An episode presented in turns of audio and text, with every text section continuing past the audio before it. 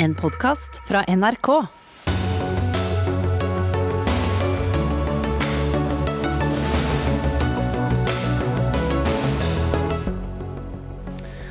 Natos største nederlag er et faktum. Omfanget av feil og mistak er nesten ikke til å fatte, mener professor Øyvind Østerud. Regjeringer løper fra ansvaret, mener professor Janne Holand Matlari. Naturtap er like viktig som klimakrisen. Ikke stem Senterpartiet, Høyre eller Frp om du vil redde verden, mener naturvernere. Møter Senterpartiet til debatt. Og Skiforbundet sparker sportssjef Claes Brede Bråten, mens hopperne og suksesstreneren vil beholde ham. Det er dårlig stemning i hoppleiren før OL-sesongen. Ja, Det er altså noen av sakene i Dagsnytt 18 denne torsdagen, der vi også løfter fram det katastroferammede landet Haiti, nå i nyhetsskyggen av Afghanistan. Men det er da nettopp eh, denne nylig avsluttede krigen i Afghanistan som er første tema i eh, Dagsnytt 18 denne torsdagen. Eh, det er flere som mener at alliansen Nato og USA har tapt krigen. Angela Merkels etterfølger Armin Laschet sa det slik. Det er det größte Debakel, das die NATO seit ihrer Gründung erleidet. Und es ist ein Epochenwechsel, vor dem wir stehen. Alle er enige i at eh, Nato eh, tapte. Ehm, fiaskoen er eh, den største i Natos historie, og alliansen står overfor en epokegjørende forandring. Øyvind Østerud, du er professor i statsvitenskap ved Universitetet i Oslo. Er du enig med Larseth, som da uttalte seg her? Kanskje ja, jeg, den viktigste europeiske lederen om et par år? Ja, jeg er enig. Mm. Jeg syns dette er et, det er et dundrende nederlag for, for, Nato. Det har vært nederlag før. De har lidd nederlag i Libya og mange steder, men dette er vel eh, det voldsomste fordi det har pågått i 20 år. Det har vært en utrolig prestisjefylt uh, operasjon med voldsom innsats uh, av mannskaper og militært utstyr og pengebruk og det hele. Kolossal mm. satsing på å bygge opp et slags uh, fungerte samfunn i Afghanistan etter Taliban og det har mislykkes fullstendig. Ja, for I en kronikk i Klassekampen i dag så skriver du sitat omfanget av amerikanske og vestlige feilvurderinger og mistak er nesten ikke til å fatte. Ja, ja jeg, jeg, tror jeg innstår for det. Jeg mener det. Mm. Hva mener er de viktigste og mest alvorlige mistak Nei, og feil? Det, det, er at de har stått overfor en krig de ikke helt har, forskjønt, har, har forstått hvordan de skal utkjempe. De har stått overfor en motstander av en helt annen art enn de er vant til. Og Nato er innrettet i mye større grad på en helt normal vestlig form for krigføring, som altså betyr høyteknologisk krigføring, eh, etterretningsstyrt, eh, presisjonsvåpen, eh, stor ildstyrke, luftstøtte. Dette hjelper fint lite mot den motstanderen de har stått overfor i Afghanistan. Som, er, som har en uendelig tidshorisont. Altså, det er ikke snakk om neste presidentvalg, det er snakk om 10 år, 20 år, nå er det 20 år. 50 år, 100 år, sa bin Laden en gang selv om han ikke var i, i Taliban. Og, og, de har, og, de har, eh, en uendelig toleranse for tap. De kan pøse på med stadig nye lokale opprørsgrupper. De har forsyningslinjer inn i Pakistan. Eh, og de kan regruppere seg hele tiden. Og utrolig vanskelig å bekjempe. Og så slåss de for eh, eget territorium med, med, med en ideologi med, med Allah himmelen over seg.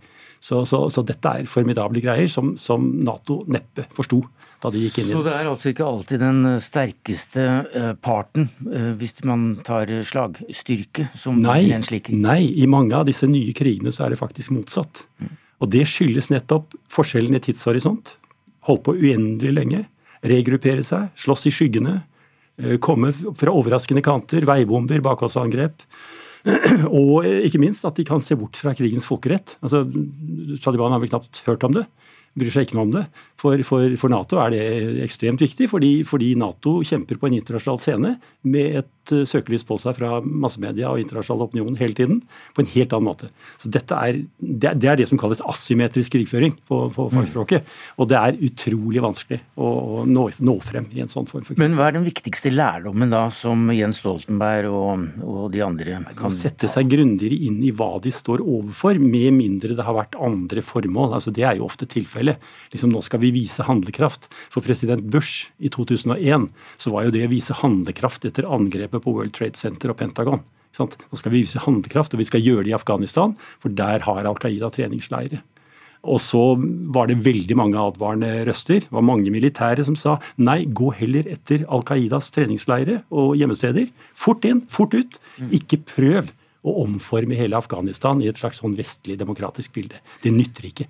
Nei, for Du trekker da paralleller til både Irak eh, og Libya, og, og skriver at, uh, siterer en, en, amerikansk professor, var det vel, at før Nato da tapte denne krigen de siste dagene her, så var det to og en halv tap, ja.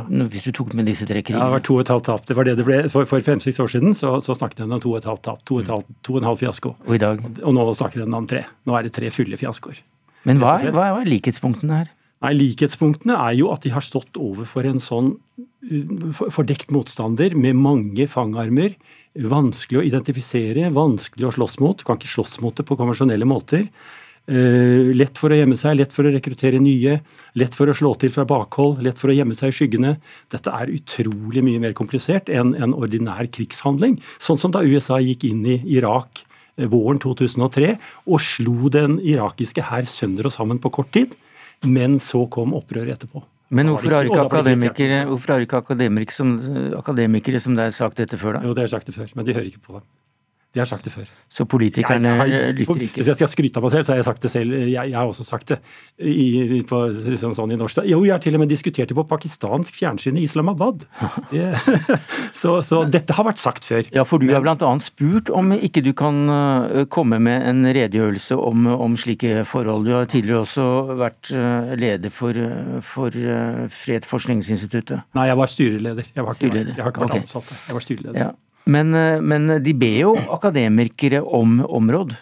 Ja da, det, det, gjør de jo, for så vidt. Men, men, på sånne grunnleggende ting som dette, når det er veldig sterke politiske føringer, så har ikke det noe særlig gjennomslagskraft.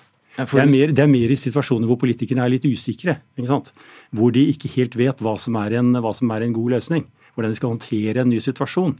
Da er det greit å spørre noen eh, eksperter. Men har de en klar linje og en sterk oppfatning, som de hadde i både amerikanere og deres allierte i Afghanistan i 2001. Liksom slå tilbake mot terrorismen. Krig mot terror. Komme inn som akademiker og si at ja, men tenk dere litt om, hva står dere overfor? Hvordan, hvordan gjør en dette på mest mulig effektiv måte? Nei. Får ikke ørens lyd. Og Det samme var jo tilfellet i, Libya våren 2011. Det gikk enormt fort. Og, det var ikke heller, så, så det var liksom ikke det var ikke, det var ikke rom for dette. Selv om veldig mange sa det. Mm. Men du skriver også at etter Vietnamkrigen så, så, lærte USA noe? Ja, de lærte noe. Og det var fordi det var et enormt nederlag. De hadde holdt på i ti år eller mer. 65, midt på 60-tallet, tidlig på 60-tallet, til 75. De hadde enorme tap, de hadde kolossal motstand på hjemmebane. De hadde stor motstand i verdensopinionen. Ja, hva lærte de? Var, nei, De lærte at vi skal ikke gå inn på bakken og tro at vi kan slå en gerilja her på den måten vi prøvde på i, eh, i eh, Vietnam. Dette er for komplisert. Vi kjører oss fast, og vi får etter hvert verdensopinionen og hjemmeopinionen imot oss. Så det de gjorde da, det var å omgruppere, re, re, redefinere rammene for forsvarspolitikken og sa at vi satser heller på amerikanske alliansepartnere i den fattige del av verden og lar mm. dem ta hovedbyrden på bakken. Det var, det var, sånn som, ja, det var Shahen av Persia, Iran. ikke sant? Det var eh, på slutten av 70-tallet. Det var, var Saudi-Arabia. Det var sånne som skulle være ankerfeste for den amerikanske strategien. I større grad enn amerikanske soldater på bakken. Men det var lærdommen satt ikke så altfor ja, lenge? Den, den satt til, til uh, tidlig på 90-tallet, omtrent. Da de først prøvde seg i Somalia. Mm. Gikk jo ufattelig dårlig. 18 amerikanske soldater dratt gjennom gatene, døde soldater, dratt gjennom gatene på fjernsyn. Amerikansk fjernsyn og, og, president Clinton sa nei, dette holder vi ikke ut. 18 soldater. Krigsherrene i Somalia, hvor mye toleranse for tap hadde de? 18? Ingenting. 100? Ingenting. 1000? Ingenting. Så dette er, dette er veldig ulike premisser å føre krig på. Men Nato framover, da, som jo er et tema i dagens uh, sending. Mm. Uh, er det mulig å lage demokrati gjennom intervensjon av en, av Nato-allianse? Nei, stort sett ikke. Det, det, har, det, har, vært gjort et par ganger under ekstremt gunstige vilkår. Det var i Vest-Tyskland og Østerrike etter 1945. Da gjorde en jo det. De tapte krigen, og, og, det ble innført demokratisk styre ganske fort. Og det fungerte fordi de bygde på en eldre demokratisk tradisjon. Det var et velfungerende byråkrati. Det var velutviklede land, vestlige land. Og det var, og det var, en, eh, det, var en, eh, mangel på etnisk mangfold som, som ikke gjelder i veldig mange. Men hva bør da USAs og, og, Natos analytikere sitt, sette seg ned og gjennomgå nå? Nei, Nå har de jo en, en, kjempeutfordring, fordi Nato er i en helt annen situasjon enn da Nato ble skapt. Så Nato var en kamporganisasjon i den kalde krigen. Med en felles motstander i Sovjetunionen og en felles beskytter i USA. Eh, og, og, og, fasttømret og grei. Det var helt, helt, åpenbart når Nato skulle tre til. Det var hvis det kom et sovjetisk angrep eller en sovjetisk provokasjon. Nå er situasjonen en helt annen. Det er et stort mangfold av utfordringer. Det er mange land Nato står overfor langt utenfor eget forsvarsområde. Det er Kina, det er Midtøsten, det er, det er fjernere deler av Russland. Det er mye mer komplisert. Og så er det alle disse Det var det president Macron sa. Nato er veldig dårlig egnet til å slåss mot ikke-statlige aktører. Er Nato svekket? Ja, Nato er svekket. Ingen tvil om. det. Janne Haaland Matlari, du er professor i statsvitenskap ved Universitetet i Oslo, du også. Og i en kronikk i Dagens Næringsliv i dag så kaller du dette 20 bortkastede år. Eh, hva er de viktigste elementene i at de er bortkastet? Ja, hallo. Jeg snakker fra Torv i Arendal, så derfor eh, litt bakgrunnsstøy her da, kanskje. Eh, det viktige er jo at man har ikke oppnådd den strategiske målsetting med eh, denne Nato-operasjonen som heter ISAF. Amerikanerne har jo oppnådd sin strategiske målsetting med Enduring Freedom, som var antiterroroperasjonen som startet det hele i 2001, etter 9-11. Norge var også med på det med spesialsoldater. Så det var en vellykket operasjon fordi det man skulle oppnå, altså det strategiske mål, var spesifisert og kalibrert til militærmakten man satte inn. Så skulle europeerne være med på dette i solidaritet med USA. Og det er der problemene begynner. Fordi europeerne ville ikke si at vi er med i en antiterroroperasjon. Vi skal tilintetgjøre Al Qaida mest mulig. Dette er jo, altfor eh, militaristisk og uakseptabelt i europeisk eh, offentlig politikk. Da fant man på dette med nation building, demokratisering, med en styrke som ikke var på en måte problematisk, for den skulle stabilisere rundt valg. og Det var jo et fint mm. formål. Men så fikk man da et Taliban fra 2006 som kom tilbake med militærmakt. Og da har man kjempet en, eh, det som kalles counterinsurgency, coin, mot denne geriljaen i alle disse årene. Og her oppstår da dette problemet som min kollega Øyvind nå snakket om, at eh, den militære innsatsen har vært helt bra. Altså Man vinner hvert slag om man vil, selv mot mm. en gerilja. Men eh, den politiske hensikt eh, var helt utopisk fra begynnelsen av. Og den ble tatt av helt andre grunner mm. enn hensynet til Afghanistan. Du Matlare, du skriver også at da sønnen din dro til Afghanistan i sin tid, så, så spurte pressen hva føler du nå? Eh, den gang så ville du ikke svare, men med det du nå vet, eh, hva sier du i dag?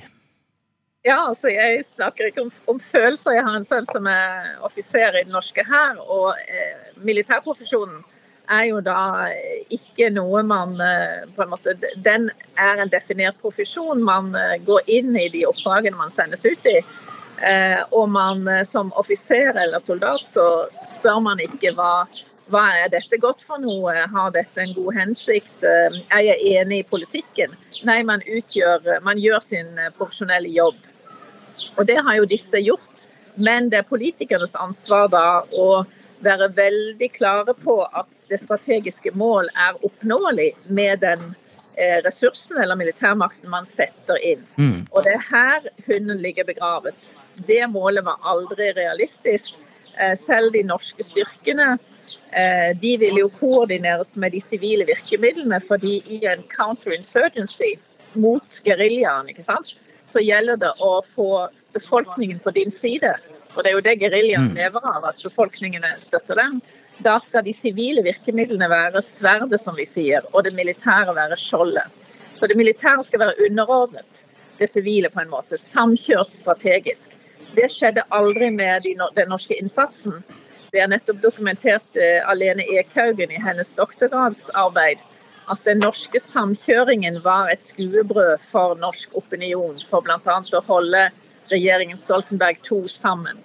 Mm. Så det var aldri en vilje til en skikkelig strategisk samordning på taktisk nivå heller. Men ganske kort, Matlari. Du skriver at regjeringer unndrar seg eh, det politiske ansvaret for strategisk bruk av militærmakt. Kort, hva er det du mener med det?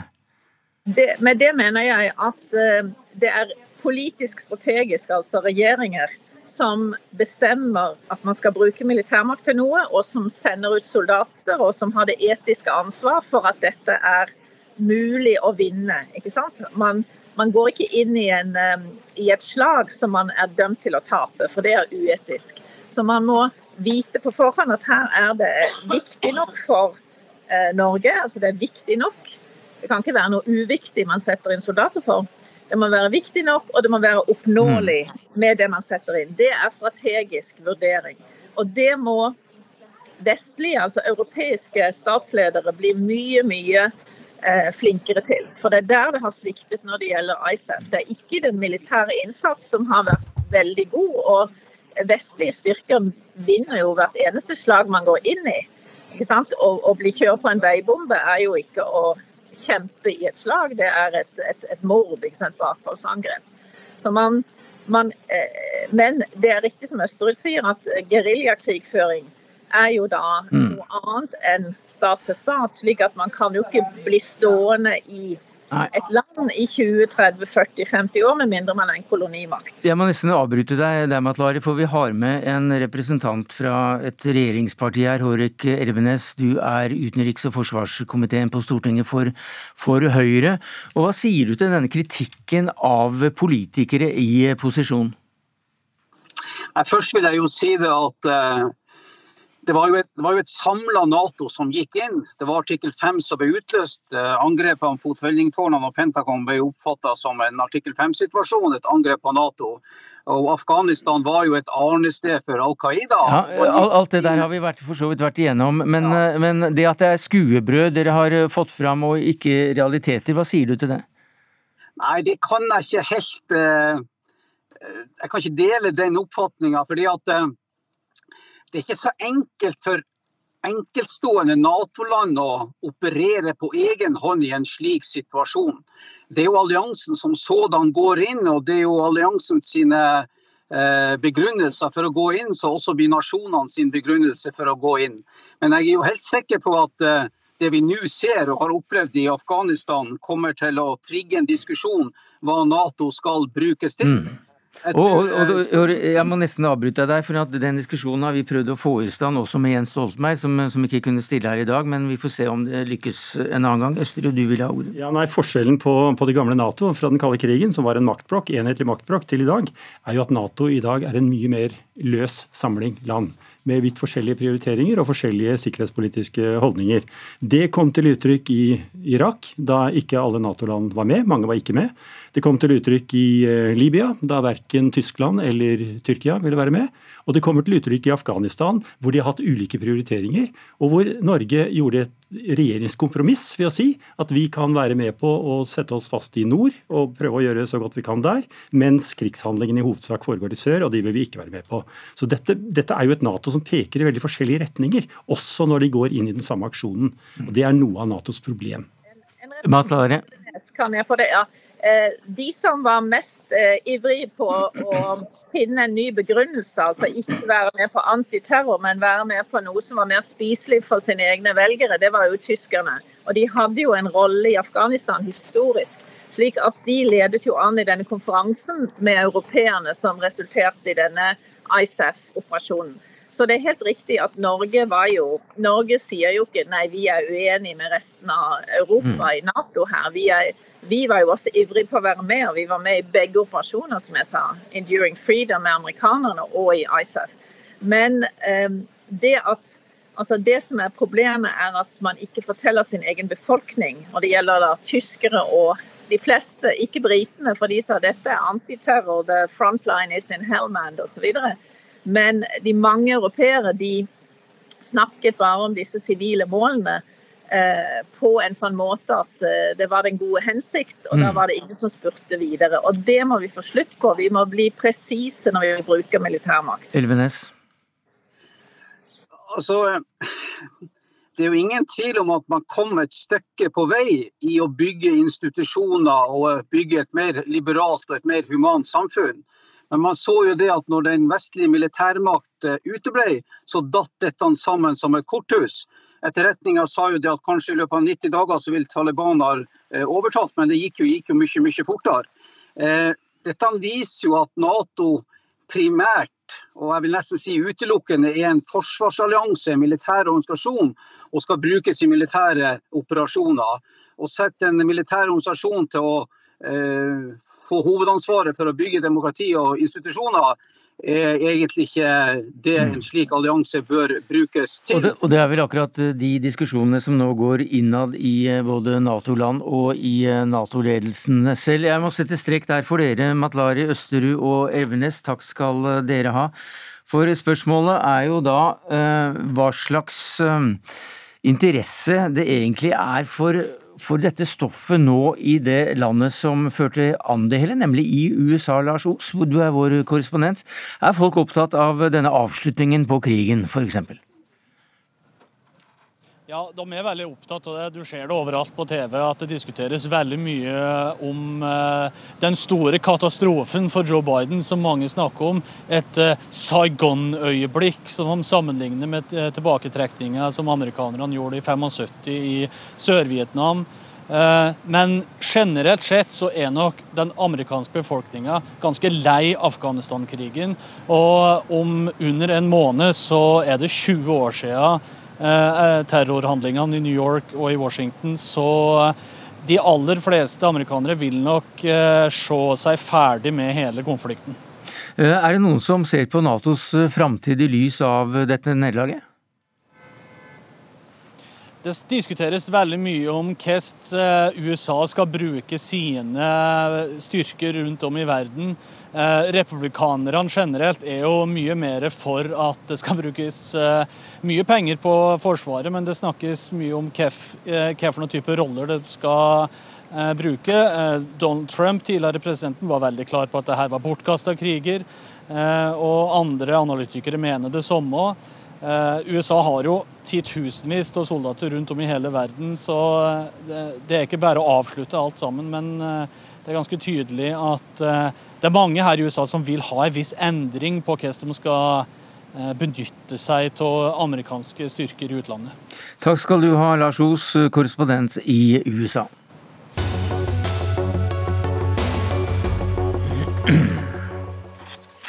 Ja, naturtap må bli en hovedsak i den norske valgkampen.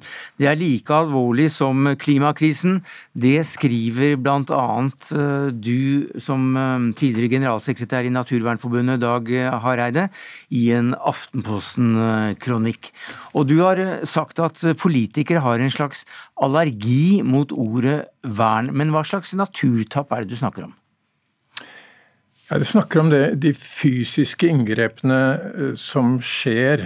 altså F.eks. når du har hyttebygging oppe i Vinje, for eksempel, sånn at lokalsamfunnet føler seg helt satt ut og villreinen blir ødelagt. Eller når man i Lillehammer har funnet ut at eh, i Lågendelta, hvor det var liksom eh, folk respekterte at du ikke skulle padle der i visse sesonger, så skal man kjøre en firefelts motorvei gjennom et fuglefredningsområde og naturvernområde.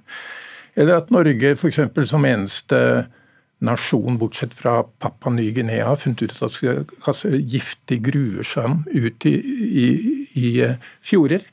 Eller naturligvis disse her eh, vettløse vindkraftutbyggingene. Sånn. Altså disse fysiske tingene. Og bare for å komme med noen harde fakta, da. For dette er små, kanskje småting som du ser rundt omkring. Men når du legger det sammen, så har altså mennesket nå drastisk endret jord, tre fjerdedeler av jordoverflaten. Med sement og asfalt og monokulturelle gressplener og jord- og skogbruk. Og et annet mål, hvis du tar vekten av pattedyr Vi er jo det. Vi er 36 av eh, vekten av pattedyr i verden. 60% er husdyrene våre. Bare 4% er igjen for alt fra elefant til mus. Altså vi breier oss. Vi invaderer andre arters livsrom, og det har jo ført til massedød. Mm. Altså F.eks. Living Planet Index har fulgt dette i 50 år, ca. 20 000 uh, forskjellige populasjoner. Og gjennomsnittlig nedgang er 68 Dette er jo altså det er ikke noe rart at folk er engasjert. Nei, og jeg går ut fra at lytterne har sittet og notert alle disse tallene her nå. For dere sier ikke bare at eh, nå må vi eh, gjøre noe, dere sier også hva vi må gjøre med valget. Og det er jo litt friskt at dere da går inn og sier at de er de verste, de er midt imellom, og så er de de beste når det gjelder akkurat å ta vare da på, eller gjøre noe med naturtapssituasjonen. Hvilke er verst? Ja, de verste er altså nedenfra Fremskrittspartiet, Høyre, og Senterpartiet. Og Så går det opp i en ny gruppe, som er KrF og Arbeiderpartiet. Og så er det fire som på en måte da klarerer seg som, eh, som at de virkelig prøver å bekjempe naturtapet. Og det er Venstre, Rødt, Miljøpartiet og SV. Men Anne Beate Tvinnereim, du er andre nestleder da i verstingpartiet Senterpartiet. Hva sier du til Dag Hareide og de andre naturvernernes kritikk? Jeg blir mest litt frustrert, for jeg forstår ikke eh, kritikken av mitt eget partiprogram på dette punktet. Fordi eh, det er stor forskjell fra å være eh, eh, versting når det gjelder biologisk mangfold, til det å stille spørsmålstegn ved hvilke metoder vi bruker for å opprettholde biologisk mangfold. Fordi at eh, det at eh, det at uh, naturkrisen er en realitet, det er vi i Senterpartiet enig i. Men samtidig så må vi ha en realistisk debatt av hvordan vi um, bevarer biologisk mangfold, og hvordan vi samtidig bruker naturen for å komme oss ut av klimakrisen. Og Det er akkurat der jeg syns det skorter. for Jeg, jeg syns vi skal ha en litt sånn kunnskapsbasert og nyansert debatt. fordi um, uh, F, alle FN-scenarioer eh, impliserer jo at vi må øke uttaket av biomasse for å mm. Eh, klare å redde klimaet. Og da er liksom spørsmålet tilbake hvordan skal vi da hvordan skal vi klare å ta ut mer biomasse? Samtidig mm. som vi eh, verner, eh, Det kan være en interessant debatt en annen gang, men Hareide, du hører jo mange gode argumenter for at Senterpartiet slett ikke gjør det så verst når det gjelder akkurat dette spørsmålet? Nei, De er jo ikke verst, da. Eh, de, Nei, de er jo den verste gruppa, i hvert fall. Ja, altså, jeg mener de i forhold til Høyre og Fremskrittspartiet, så Men hvorfor er de blant de verste? Nei, altså det, det, har skjedd et eller annet der. Altså jeg hadde på en måte, altså jeg ble litt skuffa når jeg så det resultatet og alle de svarene de gir i forhold til de tingene vi mener må gjøres. Eh, fordi jeg mener at Senterpartiet har en tradisjon, de har i hvert fall konkurrert litt med Arbeiderpartiet for å si det sånn, med, med å være grønne. da. Og jeg mener også at Senterpartiet er spesielt viktig eh, fordi altså de, de, har en nøkkelrolle i forhold til de tre områdene som truer artene i Norge, nemlig jordbruket, skogbruket og da den store utbyggingsprosessene med veier og hyttebygging og alt sånn. Ja, hva er det Senterpartiet har, Hvor er det Senterpartiet har snudd, eller hvor, mangler, de, mangler de dette i programmet, eller hvordan er det dere vurderer dette? Utfordre Tvinnereim på, på kanskje to-tre ting. Ja, jeg tror du vil begynne med én. Én? Ok. Eh, altså det er at naturen trenger rettssikkerhet. Altså Du kan ikke overlate til kommunestyret å bestemme. La meg få bruke et lite bilde. Altså, Vi fant et vikingskip i Østfold. ok? Om kommunen nå bestemte seg for å bygge en, en eh, motorvei over det, ikke sant? det kan de ikke. Det finnes lover altså kulturminnelover. Det er nasjonale og internasjonale interesser. Og så har du gammel naturskog. Som altså har og det er ikke skapt av, mennesker, det er vel på en måte enten er det skapt av Gud, eller så er det skapt av evolusjonen ja. gjennom millioner av år. og du har fått, I skogen har du 2000, 25 000 arter, det er ikke bare furu og skog. Så utfordringen til Senterpartiet Ja, og det er at dette er jo på en måte hva skal vi si, biologiens vikingskip. Det må fredes.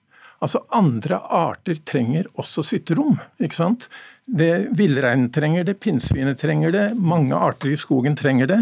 Og, og de går imot f.eks. vern av eh, produktiv skog 10% De går imot den 30 som mange andre gjør i, forhold, i, i havsammenheng. Altså Det er en slags allergi.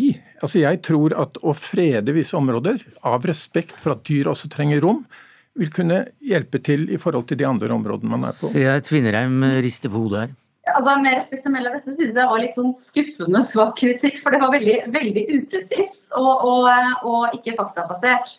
Eh, bare for å ta ett eksempel. Senterpartiet er jo klart det partiet som er mest opptatt av å, uh, av å sikre jordvernet. Vi ønsker å grunnlovfeste uh, uh, matjorda vår. Vern av matjorda vår. Bare for å ta ett eksempel. Så, så her syns jeg kritikken var veldig ustødig. Og så har jeg lyst til å utfordre tilbake, for det framstår som om alle de verne Eller alle de, alt det biologiske mangfoldet som har en, en, en verdi, befinner seg i urørt natur. Men det er jo ikke riktig. 24 av de artene som er trua i norsk flora og fauna i dag, de finnes i kulturlandskap. Mm. Og kulturlandskap Et, et øyeblikk, Hareide må nesten få svare ja, på det. Det, det syns jeg er helt utmerket. Det du sa nå er jeg enig i. Altså, øh, og jeg syns det, det, er en fantastisk idé. Dere vil grunnlovfeste vern av matjord, men altså ikke av det som er vilt. Altså Der er det en eller annen inkongruens. Og Det andre, altså det vi foreslår og som vi gjerne vil utfordre på, er det som kalles arealnøytralitet. Vi er nå enige om klimanøytralitet i 2050, faktisk alle partiene. Arealnøytralitet betyr at hvis du tar av verdifull natur, så må du erstatte det med å restaurere, ellers så skal du bygge der det er ødelagt. Den andre utfordringen til deg er at den forrige regjeringen tok vekk eh, kontrollen over arealene fra Miljøverndepartementet og ga en god del regler om at de ikke, det var så farlig om man gjorde unntak. og Det har vært nærmest 90% unntak for bygging i strandsonen, for bygging i landbruk, natur- og friluftsområder. Men når vi spør dere om dere kan tenke å føre tilbake til Miljødepartementet, så sier dere nei. Det er et helt konkret spørsmål. Har dere tenkt oss å føre dette tilbake? Eh, det blir vel antageligvis en del av regjeringsforhandlingene, men umiddelbart har vi ikke noen planer om det. Men du framstiller det som det er umulig å drive eh, både altså, eh, god forvaltning og god vernepraksis fra et annet departement. Altså Regjeringen er jo én regjering, så hvilket departement som, som, eh, som, denne avdelingen ligger i, det burde jo være irrelevant. Men Hareide har ikke svart på min utfordring. Nei, og det får han ikke heller, for der må vi sette strek dessverre, Anne Beate Tvinnereim, som andre nestleder i Senterpartiet. Takk til deg også, Dag Hareide, tidligere generalsekretær i Naturvernforbundet.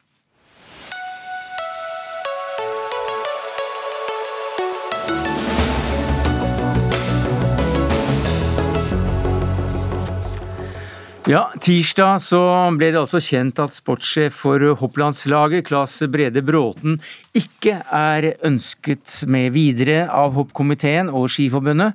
Bakgrunnen for at forbundet ikke ønsker forlengelse, er ikke kjent, eh, men det blir omtalt som en intern sak. Vrakingen har skapt sterke reaksjoner hos ledere og utøvere på hopplandslaget. Og Jan Petter Saltvedt, du er sportskommentator her i NRK.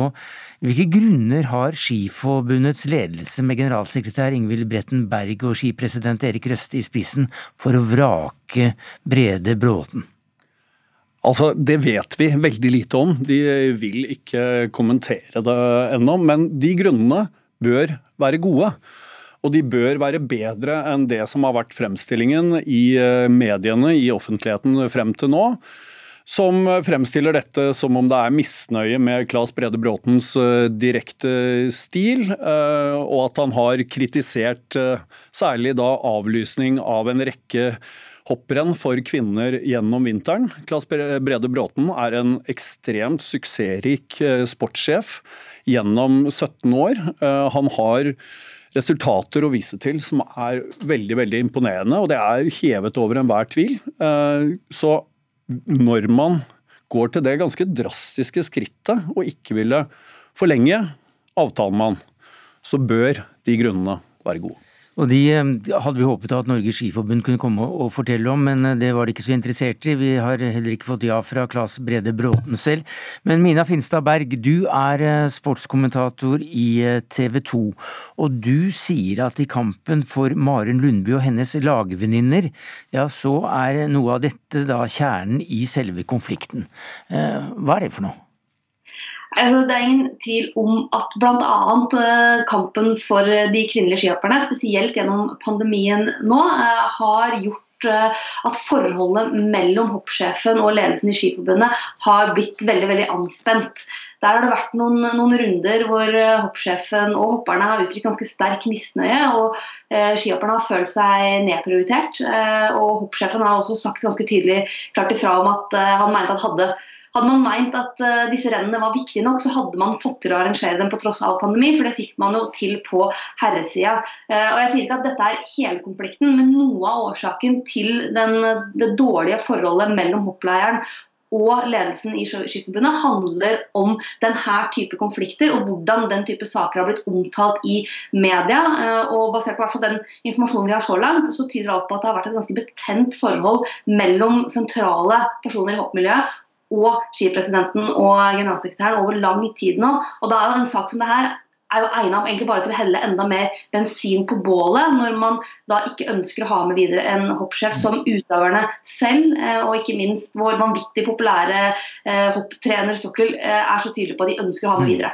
Ja, for Stokkel har da vært med å skrive under et brev eller opprop, eller hva man skal kalle det. Hva slags sak er det?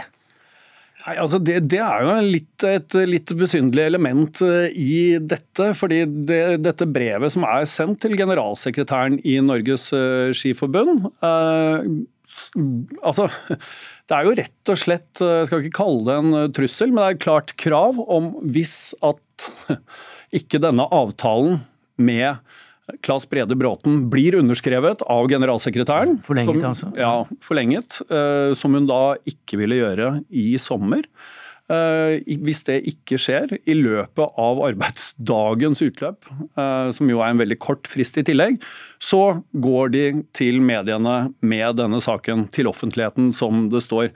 Og Hvis man ønsker en videre dialog, hvis man ønsker et konstruktivt samarbeid videre, som man bør gjøre som en del av samme forbund. Og eh, i og med at den eh, klare hensikten her er å få med Bråten videre, så er ikke dette en måte eh, å gjøre mm. dette på. Det er helt åpenbart en del underliggende konflikter her. Men akkurat likestillingsdelen av det er ikke så lett å kjøpe, syns jeg. fordi akkurat på den biten så har strengt tatt Norges Skiforbund og deres eh, sportssjef i hopp, Klas Brede Bråten, vært ganske mye på lag når det gjelder kampen for eh, altså, hopperne, de kvinnelige hopperne på internasjonalt mm. nivå. For vi har da en situasjon, eh, Mina Finstad Berg, som, som innbefatter at vi har en suksesstrener og hopperne som støtter eh, Bredeberg. Eh, og vi har da eh, resten av gjengen som gjerne vil ha ham fjernet. Og hva slags situasjon er vi da er i ved inngangen til et olympisk år? Det er jo på ingen måte en eh, optimal oppladning inn mot OL. Det tror jeg absolutt alle skjønner. Denne type utenomsportslig uro, drama, konflikt er garantert det siste hopperne ønsker seg i, eh, i, sin oppladning. Og det er veldig forstyrrende. og Det er eh, helt åpenbart at det også krever altså Det tar mye energi, da, både fysisk og også mentalt, å stå i en sånn type konflikt. og Det sier også noe om hvor steile frontene har blitt når man velger å gå til et sånt slags Ja, det er jo et, et trusselbrev, da, et regelig trusselbrev for å eh, få beholde hoppsjefen sin. og Det sier også noe om at her er, er det åpenbart at tilliten er brutt ned over tid når man går til det skrittet. Så kan jeg være enig i at det er eh, ekstremt å, å, å ta et sånt valg. At man rett og slett eh, sier at enten så lar dere han fortsette, eller så går vi til media. Eh, men det for meg så sier det først og fremst noe om hvor steil den konflikten nå har blitt. Ja, Hva gjør det internt i et slikt forbund? Ja, altså det, det, skaper et ekstremt dårlig miljø, som åpenbart ikke er eh, klima som ikke er godt i utgangspunktet. Nå har vi ikke hørt Claes Brede Bråten selv. Vi har hørt de som støtter han. Vi har ikke hørt Norges Skiforbund. Vi vet ikke hva denne konflikten faktisk dreier seg om. Kaller det en internsak? Ja, De kaller det en internsak, og så er det så stor offentlig interesse rundt dette, og det har blitt tatt til offentligheten, så deler av det må man snakke om eh, på et tidspunkt. Men Norges Skiforbund må jo også ha visst eh, at eh, dette bråket kom når det ble kjent, i og med at de allerede i juni sa nei til en forlengelse av denne kontrakten. og Det er derfor jeg sier jeg håper for deres del at de har grunner som er bedre enn det det har blitt eh, fremstilt som i mediene til nå. Men det er jo en kar som uh, Hopp Norge gjerne vil beholde, det er vel flere. Men altså, denne Støkkel han får jo veldig god omtale og, og, har jo resultater. Kan man risikere at han tenker at nei, her er det for mye bråk, jeg har grønnere enger et annet sted? Det er definitivt. Både Støkkel og Claes Brede Bråten eh, kan komme til å forsvinne når vi kommer til april. Begge deres kontrakter går ut. Og det er klart at for Hopp-Norge på øverste nivå, så vil det være ganske tøft eh, tilbakeslag, i hvert fall på kort sikt. Og det er jo ting man eh, må ta med i eh, denne beregningen. Mina Finstadberg, til slutt. Hvem er det som vinner OL store bakke i Beijing i februar? Vi får heie på Maren Lundby i alle konkurranser hun stiller opp i, får vi ikke det? Jo, hvis de kvinnelige da får hoppe.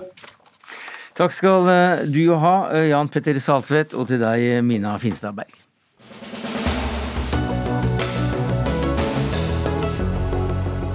For uh, omtrent en uke siden ble landet Haiti rammet av et uh, kraftig jordskjelv. Uh, da landet for elleve år siden ble rammet av jordskjelv sist, så var det omtrent like kraftig, og da var det internasjonale engasjementet veldig stort. Det er det ikke nå. Men omtrent 2100 eh, mennesker er allerede døde. Eh, eh, landet venter fremdeles på internasjonal hjelp. Og Ingvild Konradsen, du er grunnlegger og daglig leder av Prosjekt Haiti. Hvordan er situasjonen i landet nå? Eh, fortsatt kaotisk og uoversiktlig og vanskelig. Både fordi at eh, man fortsatt holder på å rydde vekk eh, hus som er ramla sammen, og prøver å rydde veier eh, som er sperra av enten flom eller pga. jordskjelvet, så er det trær som ligger i veien osv. Og man venter på å få hjelpa til å komme fra hovedstaden ned til sør. da. Ja, Hva slags hjelp er det de trenger? Eh, I den akutte fasen så er det jo vann, drikkevann, vann å dusje seg i, eh, mat, medisiner og ikke minst eh, enten noe slags shelter, sånn at man kan sove tørt og trygt, og det gjør man ikke sånn som det er nå. Men dette er ikke første gang Haiti som sagt er blitt utsatt for naturkatastrofer. Hvordan vil du sammenligne den hjelpen som er kommet nå, i forhold til det siste store jordskjelvet? Det snakkes jo nå, jeg snakker jo med jeg mine folk på Haiti, og det meldes jo om at det kommer sånn sakte, men sikkert inn hjelpesendinger til hovedstaden eh, fra USA og Frankrike, Dominikansk republikk osv. Eh, det har jo enda ikke helt fått i gang det her store utleveringa til sør, og det handler litt om at det er ganske vanskelig å komme seg ut av hovedstaden eh, til eh, sørover pga. at eh, noen av veiene eh, kontrolleres av kriminelle gjenger, bl.a. Så det er en veldig sånn sammensatt og vanskelig eh, situasjon. Joakim Lund, du er kommentator i Aftenposten og har engasjert deg i, i Haiti-spørsmål. Og selv om jordskjelvet som rammet nå er omtrent like stort som eh, i 2010, så har de altså ikke fått den hjelpen som de fikk den gangen. Eh, hva er ditt svar på det? Hvorfor? Ehm, jeg tror det skyldes mange ting på en gang. Det var jo veldig store problemer den gangen også med å få frem hjelp, men uh, givergleden var ganske stor. Det kom veldig store lovnader om penger uh, med en gang, og så tok alt veldig lang tid. Det tok kjempelang tid før uh, pengene kom, og før hjelpen kom frem til dem som trengte det. Men eh, problemet denne gangen er nok litt at eh, for det første så jo, ser det jo ut til at katastrofen er mye mindre denne gangen, men det er fortsatt en stor katastrofe. Eh, men eh, den manglende givergleden denne gangen skyldes nok eh, kanskje at erfaringene var litt dårlige forrige gang. En del av hjelpeorganisasjonene kunne ikke vise til veldig store eh, resultater, og myndighetene kunne det heller ikke. Nei, Så hvordan ble pengene brukt den gangen som ble kritisert? Um, ja, altså um, NGO-ene, altså hjelpeorganisasjonene, gjorde jo veldig mye bra. Uh, bare for å ha sagt det. det var, uh, den hjelpen som folk der fikk, jo, kom jo derfra. Uh, så problemet var at mange fikk ikke så mye ut av pengene som de burde ha fått. Røde Kors bl.a. fikk jo inn 4,5 milliarder kroner Eh, til å drive hjelpearbeid eh, der, som eh, de i etterkant har fått veldig hard kritikk for hvordan de pengene ble brukt. Det har også vært et attentat på øya, og presidenten ble, ble skutt og drept. Hvordan er den politiske situasjonen der nå? Spør du meg? Ja, jeg spør deg. Ingvild ja, Konradsen, altså grunnlegger ja. og daglig leder av prosjektet Haiti. Takk skal du ha. Eh, det er jo eh, veldig mange som er fortvilt av, av befolkninga på Haiti. fordi at man har jo prøvd nå i mange måneder, ikke bare nå etter at presidenten ble brutalt myrda for en måned siden. Men i mange måneder, opptil et år nå, så har det jo vært en, en økende mobilisering av det sivile samfunnet. Med folk som ønsker en forandring og en endring, med, og med sterk kritikk til eh, nasjonale ledere, presidenten og hans entourage, som de mener må svare for korrupsjonsanklager. Da. Sånn at eh, det, Den situasjonen har jo ikke endra seg. Det, til, altså, det er jo kanskje antakelig enda verre nå etter både jordskjelvet nå, hvor man ser at man ikke får den hjelpa man trenger, og fordi at det, det, er de samme menneskene som sitter og styrer nå, som har gjort det nå i, i i 20-30-40 år, egentlig. Og man ønsker jo en forandring fordi at man tenker at de ikke er i stand til å levere varene til befolkninga. Fordele godene, so to speak. Ja, Hva slags forandring er det som må til? Ja, Godt spørsmål. Den uh, haitianske sivile mobiliseringa, de ønsker jo at uh, andre haitianere skal få muligheten til å lede landet sitt med en uh, mer åpen, en åpen, åpen, åpen, måte. da. Fordi at det er ikke noe tvil om at de som sitter og styrer nå, er, er korrupt. ja. Eh, sist så samlet altså Røde Kors inn eh, nesten 4,5 milliarder norske kroner. Det var, det var en veldig stor iver, eh, iver, i det internasjonale samfunnet. Det kom rundt 150 milliarder kroner inn fra verdenssamfunnet. Joakim Lund, har du tro på at noe lignende kan skje nå? Nei, jeg har ikke det. Men en ting som er viktig å huske på, er at dette, det Haiti trenger nå, er nødhjelp. Uh, og, og, det folk i Haiti er misfornøyd med, er hvordan uh, eliten uh, styrer pengene. For Haiti har jo da fått enormt mye bistand gjennom mange, mange, mange år.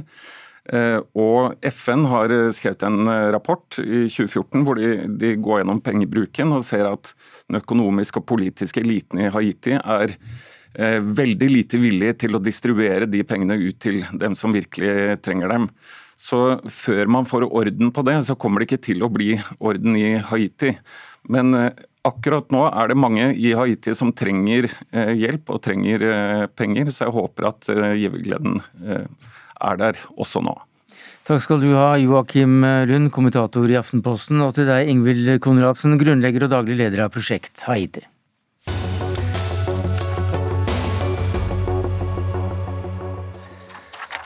For vi skal eh, til eh, Oslo-området, dvs. Si den fjorden som, eh, som ligger fra Oslo-Gryta og nedover eh, kysten et godt eh, stykke.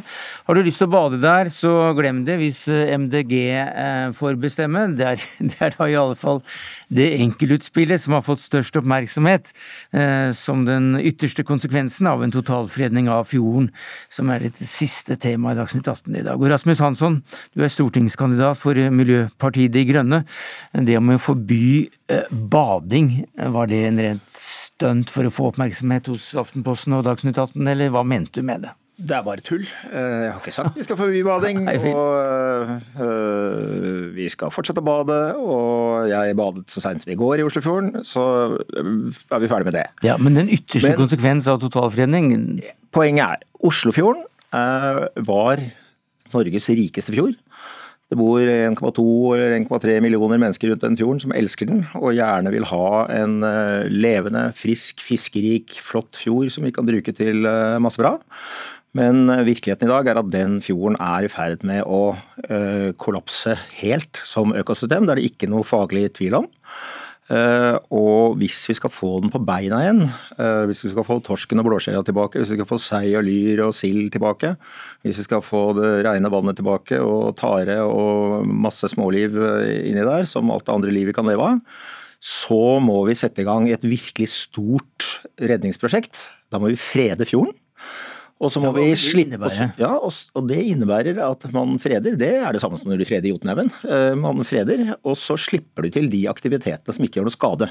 Bading kommer til å være en av dem. Og så er det en del andre ting som sikkert ikke kommer til å gjøre noe skade. Men så har Havforskningsinstituttet allerede foreslått en rekke tiltak. Eh, Restaureringsområder for eh, tare, skog og ålegras. Fiskefrie områder, trålfrie områder, verneområder. Stoppe bruk av fiskeredskap som eh, ikke brytes ned og blir liggende og drepe og drepe. Eh, Stanse fysiske inngrep i fjordbunnen, i eh, fjæra og kystsonen. Altså alle disse tingene som eh, påvirker fjorden, pluss det store avrenningen fra jordbruksområdene rundt eh, på Østlandet, som eh, forurenser fjorden med mye nitrogen. Og så på toppen av det hele så har vi jo klimaendringene, som vi må forsøke å bremse. Og skal vi få tak i alt det, så må vi ha en helhetlig og veldig ambisiøs tilnærming, fordi dette er jo et kjempedigert system. Eh, Og det betyr vi freder fjorden, og så tillater vi de tingene som kan tillates. Mm. Og så setter vi inn en rekke konkrete tiltak, hvorav mange allerede er foreslått. Og Ja, men, ja, for det er at regjeringen det, det er det. det. For at dere, har jo, dere kommer jo litt sent, for i eh, mars så la jo eh, regjeringen fram en tiltaksplan for Oslofjorden. Ja. Og jeg har foreslått å frede Oslofjorden lenge, jeg, men det er nå det har tatt av i media fordi noen ikke kunne lese det jeg sa og begynte å bli bekymret for at jeg skulle forbi bading. Ja, men er du, helt, du sier eh, at dette ikke er nok? Jeg sier at det som regjeringen uh, har foreslått, ikke er nok. Og det interessante er at det sier Aftenposten på lederplass, det sier Dagbladet på lederplass. Det er nokså unison enighet om at regjeringens tiltaksplan for Oslofjorden er altfor puslete i forhold til det kjempeproblemet vi har, og den enorme muligheten vi har til å restaurere fjorden. Du er kanskje ikke enig i det, Sveinung Rotevatn, klima- og miljøminister? Det er veldig flott at Rasmus Hansson og MDG vil ha en helskapelig tilnærming til å gjøre Oslofjorden ren og frisk igjen. Det er bra. Det vil vi i Venstre også. Faktisk så mye at det foreslo vi for tre år siden i Stortinget, og fikk gjennomslag for det. Og så har vi jobba nå i regjering med å få et godt faglig grunnlag for en slik redningsplan. Planen ble klar i vår, ble lagt fram. Og I motsetning til det Rasmus Hansson sier, så ble den tatt godt imot. Fordi den helskapelige tiltaksplanen for Oslofjorden den leverer en rekke ulike tiltak som skal sørge for at den fjorden blir frisk igjen. Både av hensyn til naturen og økosystemer i den fjorden. Og også av hensyn til alle de mennesker som bor rundt Oslofjorden og har den som sin nærmeste friluftslivsområde. Jo, men jeg hørte jo akkurat gjennom de eh, det ble sagt av Rasmus Hansson nå at alle er enige om at den ikke går langt nok, den planen din. Rasmus Hansson mener sikkert det, men i alle fall da vi la den fram i vår, så ble den tatt godt imot. Og Hvorfor ble den tatt godt imot? Jo, det er fordi at vi nå skal opprette fredningssone for hummer i alle kommuner langs Oslofjorden. Vi skal sørge for at alle kommuner får mottaksanlegg for septik for fritidsbåter. Vi skal åpne opp fyllinger som hindrer vannutskiftning. Vi skal revidere gjødselvareforskrifter, som høres veldig teknisk ut, men det handler om avrenning fra jordbruket, som er et kjempeproblem. Vi må sørge for å rense all kloakken som går ut, særlig fra kommunene i ytre Oslofjord osv. osv. Der kan jeg lese alt om i regjeringas sin tiltaksplan. Den er offensiv, den kommer til å funke, og vi har dårlig tid. Ingen trålfrie soner, ingen nullfiskområder, ingen uh, områder for uh, reetablering av tareskog uh, osv. Ikke uh, tøffe nok tiltak for å stanse inngrep verken i fjorden eller, eller i eh, kystområdene. Og, eh, og veldig mye av det du sier, er jo ting som skal vurderes og utredes og, øh, og ønskes fra kommunene. Dyttes veldig mye ansvar over på kom kommunene. Uh, og det er vanskelig å uh, redde en så diger uh, fjord som dette her gjennom å forsøke å ansvarliggjøre en hel haug med kommuner som har sine lokale problemer og ønsker. Her trengs det en samlet statlig innsats for et digert norsk miljøproblem. og Jeg håper jo at Venstre vil jobbe sammen med MDG og alle de som vil gjøre dette til et helt nytt nivå i norsk naturvern, for det er det som trengs. Her er det økosystemet som må reddes. Rotevatn? Altså, jobbe sammen med MDG. Vi sitter i regjering og har lagt fram denne planen med regjeringa. Vi har fått flertall i Stortinget allerede. Tiltakene blir iverksatt. Det som, og Jeg tror jeg og Rasmus Hansson er helt enige om at det haster, og jeg tror vi er enige om de tiltakene vi har foreslått også. Men det som er litt et blindspor i det Rasmus Hansson ber om, det er dette fredningsforslaget. Fordi det vil ikke løse problemet. For det første, Vi har en del eh, verna områder i Oslofjorden allerede. Vi har to nasjonalparker. Senest rett før sommeren så oppretter jeg et nytt marint verneområde utenfor Fredrikstad. Men det løser ikke problemet i Oslofjorden. For det problemet er særlig to ting. Det er avrenning fra jordbruket for hele østlandsområdet, og så er det kloakk som kommer fra kommunene. Og det er det nøyaktig de samme kravene til vannkvalitet i et marint verneområde eller nasjonalpark som det er andre plasser. Heldigvis, for vi må ha like strenge krav til vannkvalitet. og Det er ikke godt nok i dag. Derfor jobber vi med å stramme inn regelverket på det området her, og det kommer vi til å gjøre. Det kommer til å forbedre tilstanden i Oslofjorden, og så kan folk fortsette å bade der og nyte båtliv og fiske forhåpentligvis. Og så må vi få kysttorsken opp og gå igjen. Mm, mm, det er de sikkert helt enige om. Ålegrasengene ja. til å eh, trives. Ja. Ja, de tiltakene som dere vil eh, gjennomføre, eller eh, forsøke å gjennomføre, er vi jo helt enig i. Men det jeg syns er rart, er at, er at klima- og miljøministeren bruker tid på å bremse forslag om et et, eh, et, en verneambisjon som står i forhold til det problemet vi har. Altså Her er det en, en økosystemkollaps i en størrelsesorden som vi ikke har stått overfor i Norge før, men som vi kommer til å stå overfor som en del av den utviklingen som natur og klima påfører oss. Her må vi tenke nytt og mye mer ambisiøst. Problemet med planen til Rotevatn er at det er en helt tradisjonell plan som eh, plukker opp litt småtteri, som ikke tør å snakke om fiskerier engang, som er eh, den grunnleggende årsaken til at veldig mye gærent har gått i Oslofjorden. Ja, Rotevatn, hvor, hvorfor går du ikke inn for eh, total vern? Hva er det som er galt med det? Altså ikke tør å snakke om fiskerier. Vi har jo allerede fått Et øyeblikk, jeg stilte et spørsmål. Eh, kan du svare på det først? Hvorfor er totalt vern eh, ikke en god idé? Det forklarte jeg i mitt forrige svar, men jeg kan si det igjen. Ja, du må nesten ta Jeg skjønte ikke helt essensen av hvilke tiltak i, når, når, det gjelder totalt vern som ikke er ønskelig. Mm, mm. Jo, altså Vern kan ha en stor fordel mange plasser. Derfor har vi mange vernesoner i Oslofjorden. Og som sagt, jeg opprettet en ny rett før sommeren. Men det det verner mot når du oppretter et marint verneområde, er typisk en del fysiske inngrep og installasjoner, altså legge rør på havbunnen og slike ting. og Det kan være fornuftig å hindre mange plasser, men hovedproblemet vi her snakker om, som er tilstanden i økosystemet i Oslofjorden, det handler om vannkvaliteten i Oslofjorden. Det handler om avrenning fra jordbruk, det handler om kloakk. Og om vi gjør hele Oslofjorden til nasjonalpark, så vil ikke det endre noen ting på det. For det er de samme kravene uansett om en fjord er verna eller ikke. Og vi må nå de kravene. Det er det som er jobben. Og da handler det om gjødsling i jordbruket. Vi må ha nye regler for det. Det handler om at alle kommuner mm. nå må få rensa kloakken sin, særlig i Ytre Oslofjord.